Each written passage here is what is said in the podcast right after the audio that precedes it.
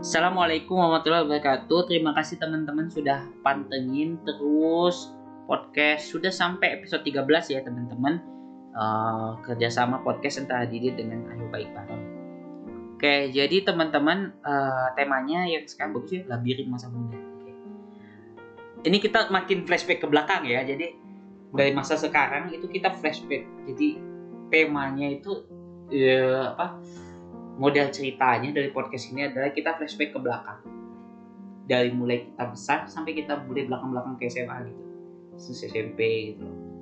Jadi perjalanannya flashback. Sampai nanti ke titik tertentu ya.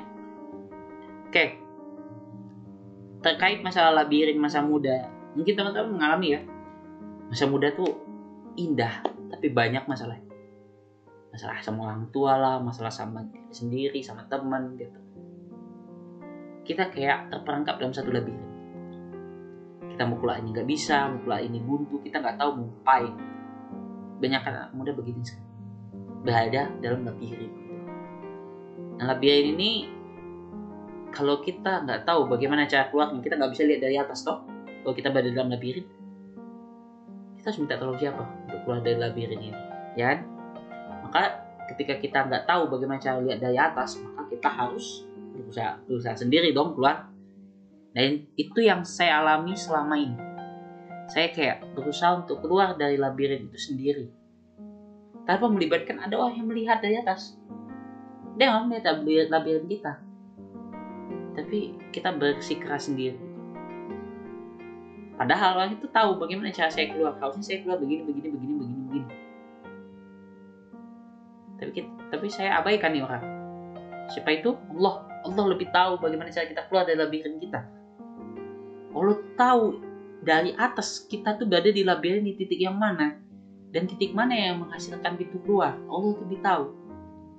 Jangan sampai teman-teman melupakan Allah.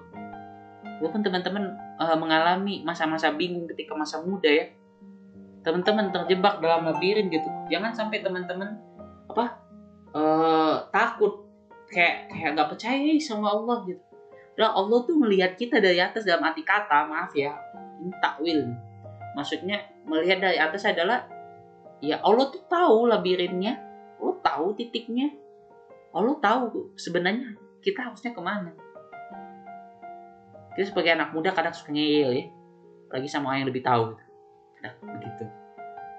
Kita mulai sekarang cobalah untuk belajar uh, memahami bahwa ketika kita pengen keluar dari labirin kita nggak bisa melakukan hak melakukannya sendiri. Kita butuh orang lain.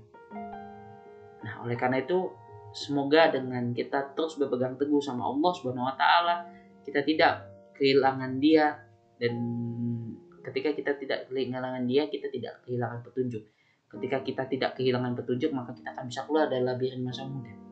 Sehingga kita bisa menikmati masa muda dengan manfaat dan kontribusi yang kita bisa uh, kirimkan ke umat. Terima kasih. Lanjut ke episode selanjutnya. Sampai ketemu. Assalamualaikum warahmatullahi wabarakatuh.